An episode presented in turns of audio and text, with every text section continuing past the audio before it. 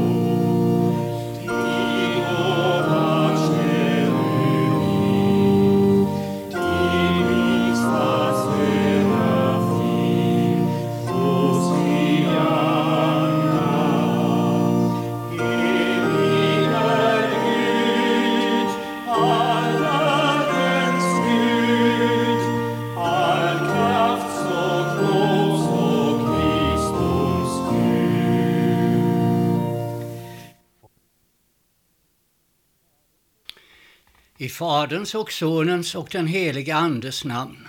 Låt oss bedja. Herre Gud, himmelske Fader, vi tackar dig för ditt heliga ord som du har låtit gå ut i världen och i din stora nåd låtit komma även till oss. Vi ber dig, väck hunger ibland oss efter detta ditt rena och klara ord.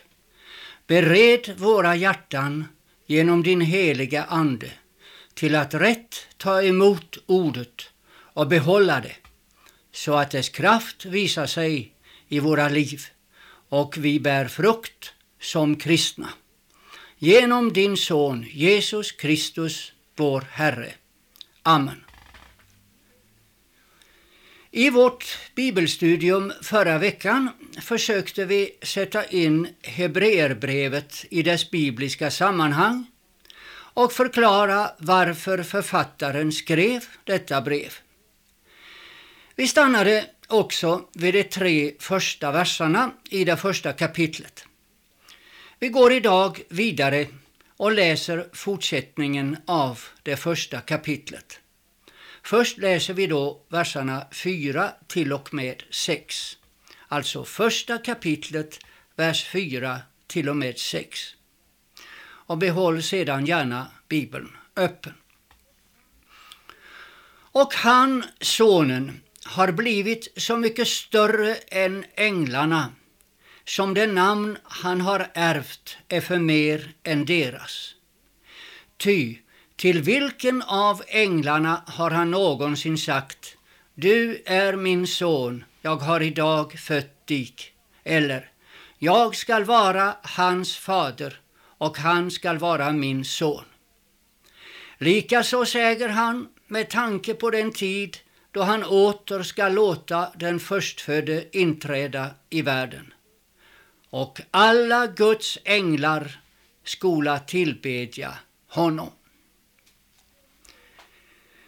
Sedan vi läst den högstämda inledningen till brevet i verserna 1–3, som vi gjorde förra gången, med en sammanfattning av hela trosläran, är det kanske överraskande för oss att författaren nu omedelbart kommer in på frågan om änglarna. Vi ska flera gånger få se att det inte är någon tillfällighet att författaren planerar och skriver sitt brev just så som han gör. Vi har ju redan sett att det är författarens avsikt att lovprisa Jesus Kristus som Guds son. Han vill verkligen visa att sonen är född av Fadern före all tid att han är Guds härlighets återsken och hans väsens avbild. Därmed skiljer sig sonen, fast han har blivit människa, från alla andra människor. Men han skiljer sig också genom sitt sonskap och genom sin ställning som medlare och frälsare från änglarna. Det vore kanske tänkbart att blanda ihop änglarnas höghet och härlighet med Sonens. Flera av författarna i Nya testamentet hade sett sådant förekomma. Faran var så stor att aposteln Paulus en gång skrev till församlingen i Kolosse. Låt er inte beröva segern av dem som hänger sig åt självförnekelse och ängladyrkan och fördjupa sig i sina syner. Det blåser upp sig med sina fåfänga människotankar och håller sig inte till honom som är huvudet. Där hade alltså just ängladyrkan börjat tränga ut sann Kristustro och ren Kristusdyrkan. Här ska vi nu också lägga märke till en sak som gäller skriften och kristen tro. Det finns nämligen somliga ställen i den heliga skrift som inte är aktuella i varje tid.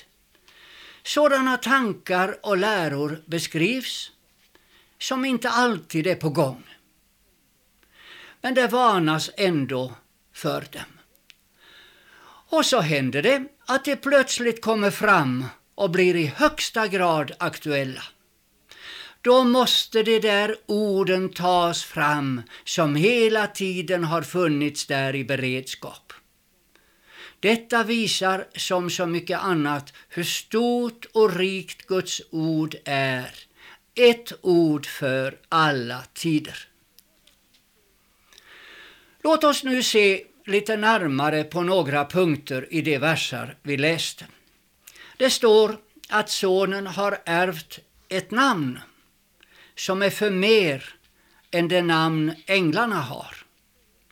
Det sägs på ett annat ställe i skriften att Gud har upphöjt Herren Jesus över allting och givit honom det namn som är över alla namn för att i Jesu namn alla knän skall böja sig och för att alla tungor skall bekänna Gud Fadern till ära att Jesus Kristus är Herre. Herre. Det betyder inte någonting i stil med sådant folk som ger sig ut för att vara duktiga eller präktiga, riktiga herremän eller herrenfolk utan det är fråga om konungarnas konung och herrarnas herre. Det namnet har ingen ängel fått. Inte heller finns det bland änglarna någon enda som någonsin har kallats Guds son. Inte heller har Gud sagt till någon ängel, jag ska vara hans fader och han ska vara min son. Den här jämförelsen mellan sonen och de goda änglarna kastar också ljus över en sak som annars är ganska dunkel för oss. Avfallet i änglavärlden. Den gången då ljusets ängel blev en mörkrets furste. Det var han som sedan sa till människorna, skulle då Gud ha sagt? Den ängeln hade tänkt och sagt detsamma tidigare. Han hade gripits av högmod över att vara ängel, över att vara en stor ängel.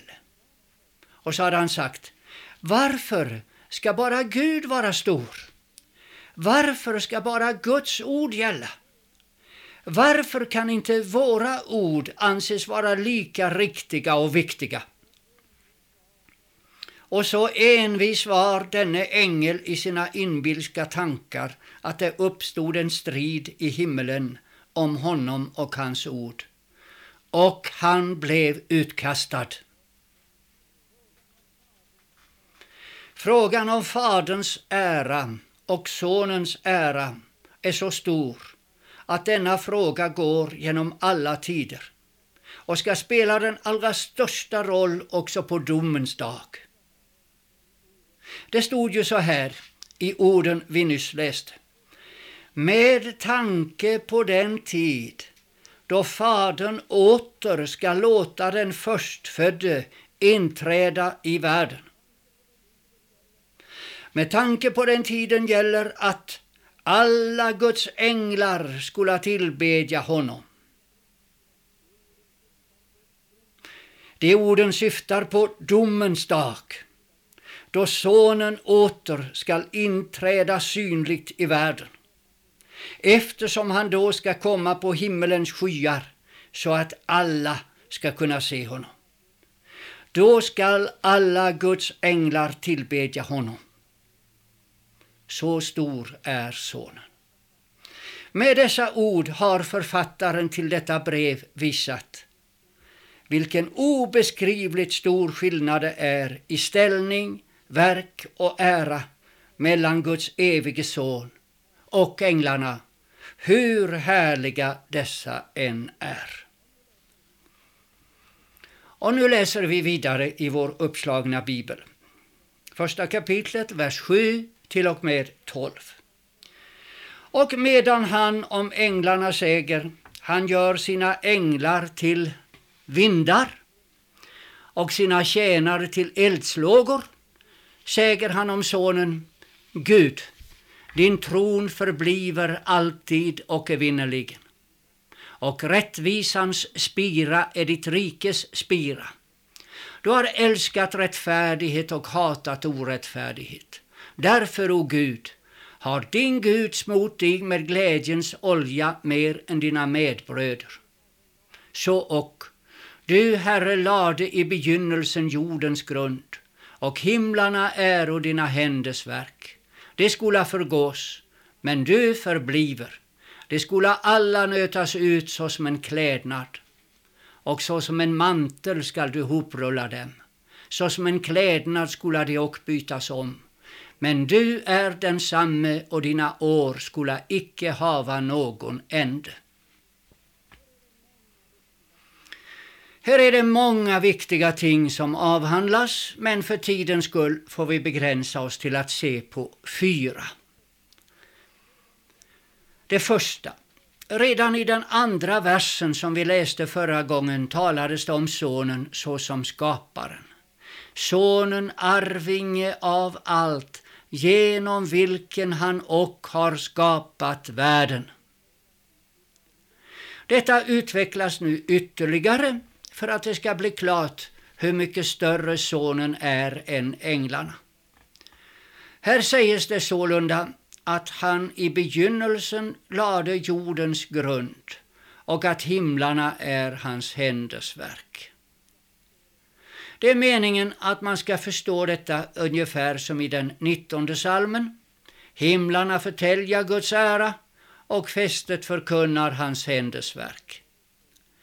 Här tillkommer det dock en viktig sak. Det stora och sköna som är skapat ska också förgås. Men han som har skapat allt detta ska inte förgås. Han förbliver. Motsatsen mellan skaparen och det skapade är tecknad med mycket sköna ord. Himlarna ska nötas ut som en klädnad. De ska rullas ihop på samma sätt som man rullar ihop en mantel. Och här ställs alla människor vid en skiljoväg. Ska vi fästa oss bara vid det jordiska sköna som ändå förgås? Eller ska vi fästa oss vid honom som förblir, honom vars år inte har någon ände. Det andra som säger som sonen, den store medskaparen, är att Gud har smort honom med olja. Detta är i Bibeln uttrycket för att insätta någon som konung. Man smörjer med olja. Fast huvudärendet i Hebreerbrevet är att visa på Kristus som den store överste prästen framhävs också de båda andra ämbetena, profetens och konungens, mycket tydligt. Så är det också här. Det sägs också att Fadern har smort honom med glädjens olja mer än hans medbröder.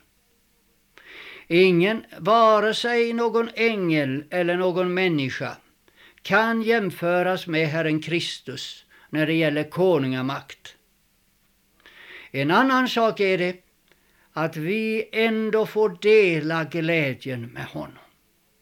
Det är för vår skull han har åtagit sig alla sina uppdrag, också översteprästens och konungens. I en psalm som tyvärr har blivit ändrad på just denna punkt sjöng vi tidigare Konung och präst, träd in i denna skara. Oss med din ande hängna och bevara. Låt våra hjärtan dina tempel vara, Jesu, vår Herre. Salmen gav alltså ett tydligt uttryck åt den tanken att det kommer glädje och välsignelse till oss av Kristi ämbete och makt. Som konung, lika väl som av hans ämbete, tjänst och offer som överste präst. Det tredje. Av en konung har man ju i alla tider väntat sig rättfärdighet och rättvisa. Även om det har varit klent beställt med dessa saker hos många jordiska kungar så är det för Guds son kännetecknande det som vi läste i vers 8. Rättvisans spira är ditt rikes spira. Du har älskat rättfärdighet och hatat orättfärdighet. Sedan de första människorna föll i synd har vi inte sett ett enda rättfärdigt människoliv på jorden, mer än det som människorna fick se i Jesu jordeliv och det vi kan se i evangeliernas berättelser om honom. Ingen synd kunde man finna hos honom. När man ville döma honom till döden måste man tillgripa förfalskningar av hans egna ord och kalla fram falska vittnen. Hela hans liv här på jorden var också en kamp för rättfärdighet. Han blev inte övervunnen på den punkten liksom han inte heller blev övervunnen på någon annan punkt. Eftersom han var fullkomligt rättfärdig kunde han utropa innan han gav upp andan Det är fullbordat. Döden kunde inte heller behålla honom i sitt grepp utan måste släppa den rättfärdige. Han fullgjorde vad vi borde och blev vår rättfärdighet. Han är likadan idag. Du är densamme, läste vi nyss i texten. Det betyder att han också idag kan bli vår rättfärdighet och att han är och förblir vår rättfärdighet om vi blir kvar hos honom. Det fjärde. Orden du är densamme har en större och vidare betydelse än den att han också idag gör människor rättfärdiga. Det betyder att han ska bli kvar i evighet också när allting annat, både himmel och jord, förintas. Dina år skola icke hava någon ände. Också på den punkten är Kristus uppfyllelsen av de stora löftena. Ett sådant uttalades ju redan när han skulle komma i världen. Han skall vara konung över Jakobs hus till evig tid och på hans rike skall ingen ände vara. Vi ska nu återvända till texten och till sist läsa de båda återstående verserna av det första kapitlet. Alltså första kapitlet, verserna 13 till och med 14. Och till vilken av änglarna har han någonsin sagt Sätt dig på min högra sida till dess jag har lagt dina fiender dig till en fotapall. Äro det icke allesammans tjänsteandar som sändas ut till tjänst för deras skull som skola få frälsning till arvedel. Dessa ord tjänar som ett förtydligande och en sammanfattning av det författaren tidigare har sagt. Mot Sonens härlighet och majestät har inte ens de härliga och mäktiga änglarna någonting att visa upp. De är tjänare, skickebud, som man sa förr på svenska. Och det är också vad deras namn utsäger, de som är utskickade. För vår del betjänar de oss på det sättet att de är medtjänare till vår salighet. Och det är detta på flera sätt. De skyddar och bevarar oss på vår jordiska vandring så att vi inte i förtid förlorar vår nådatid. Vi kan nog inte räkna de tillfällen då Guds heliga änglar har stått på vakt längs vår levnadsväg. De lägrar sig kring var och en som fruktar Herren gärna, och deras hjälp är icke sen mot dem som ont oss ärna. På vägen de oss föra så att vi vår fot ej stöta, men trygga och förnöjda gå, fast nöd och sorger möta. Guds änglar oss till ålderns dag på hulda armar sköta. Det gläder sig också outsägligt varje gång en syndare omvänder sig och kommer till tro. Och när på jorden händer att någon syndaträd sig ångrar och omvänder och tänker på sin själ, då hörs i himlens rike Guds änglars fröjdeljud. Vi hava fått en like, högt lovad vare Gud. När vi nästa gång går över till det andra kapitlet ska även då änglarna nämnas några gånger. Men då är det framför allt andra och stora ämnen som tas upp i detta märkliga brev. Låt oss bedja. Vi tackar dig, Herre himmelske Fader, för att du har sänt dina heliga änglar att skydda och bevara oss. Led oss med din heliga Ande så att vi vandrar i tro och gärna lyder din heliga vilja. Ge oss den trösten att dina heliga änglar vakar över oss. Om du tillåter att något timligt ont drabbar oss, hjälp oss då att ändå kunna tro att vi genom Jesus Kristus är dina älskade barn som har syndernas förlåtelse och det fasta hoppet om ett evigt liv. Amen.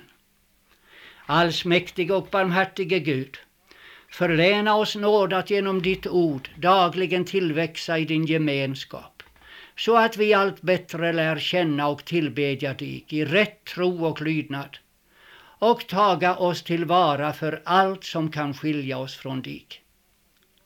Helga, o Gud, din församling, att hon må endräktigt uppbyggas i trons kraft och allt gott verk. Led och bevara vår överhet och låt din välsignelse vila över alla stånd.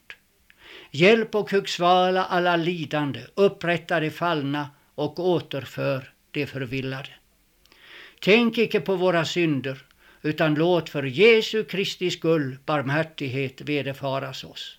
Giv oss nåd att väl fullborda vårt lopp och omsider vinna det eviga livet. Amen.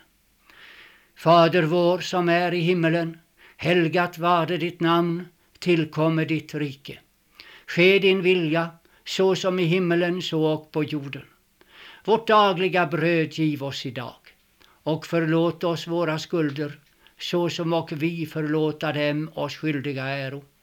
Och inled oss icke i frestelse utan fräls oss ifrån ondo. Ty riket är ditt och makten och härligheten i evighet. Amen.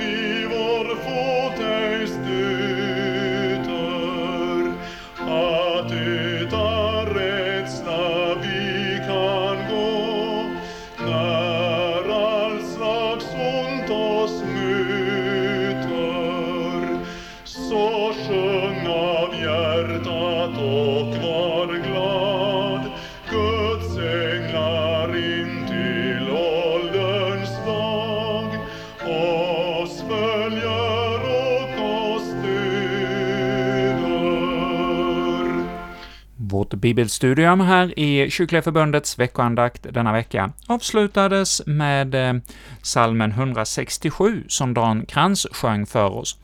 Och Josef eh, Inberg var det som ledde vårt bibelstudium utifrån Hebreerbrevet. Ja, Josef han var präst och eh, kyrkoherde i Fröderyd bland annat, och under många, många år också missionär i olika länder i Afrika.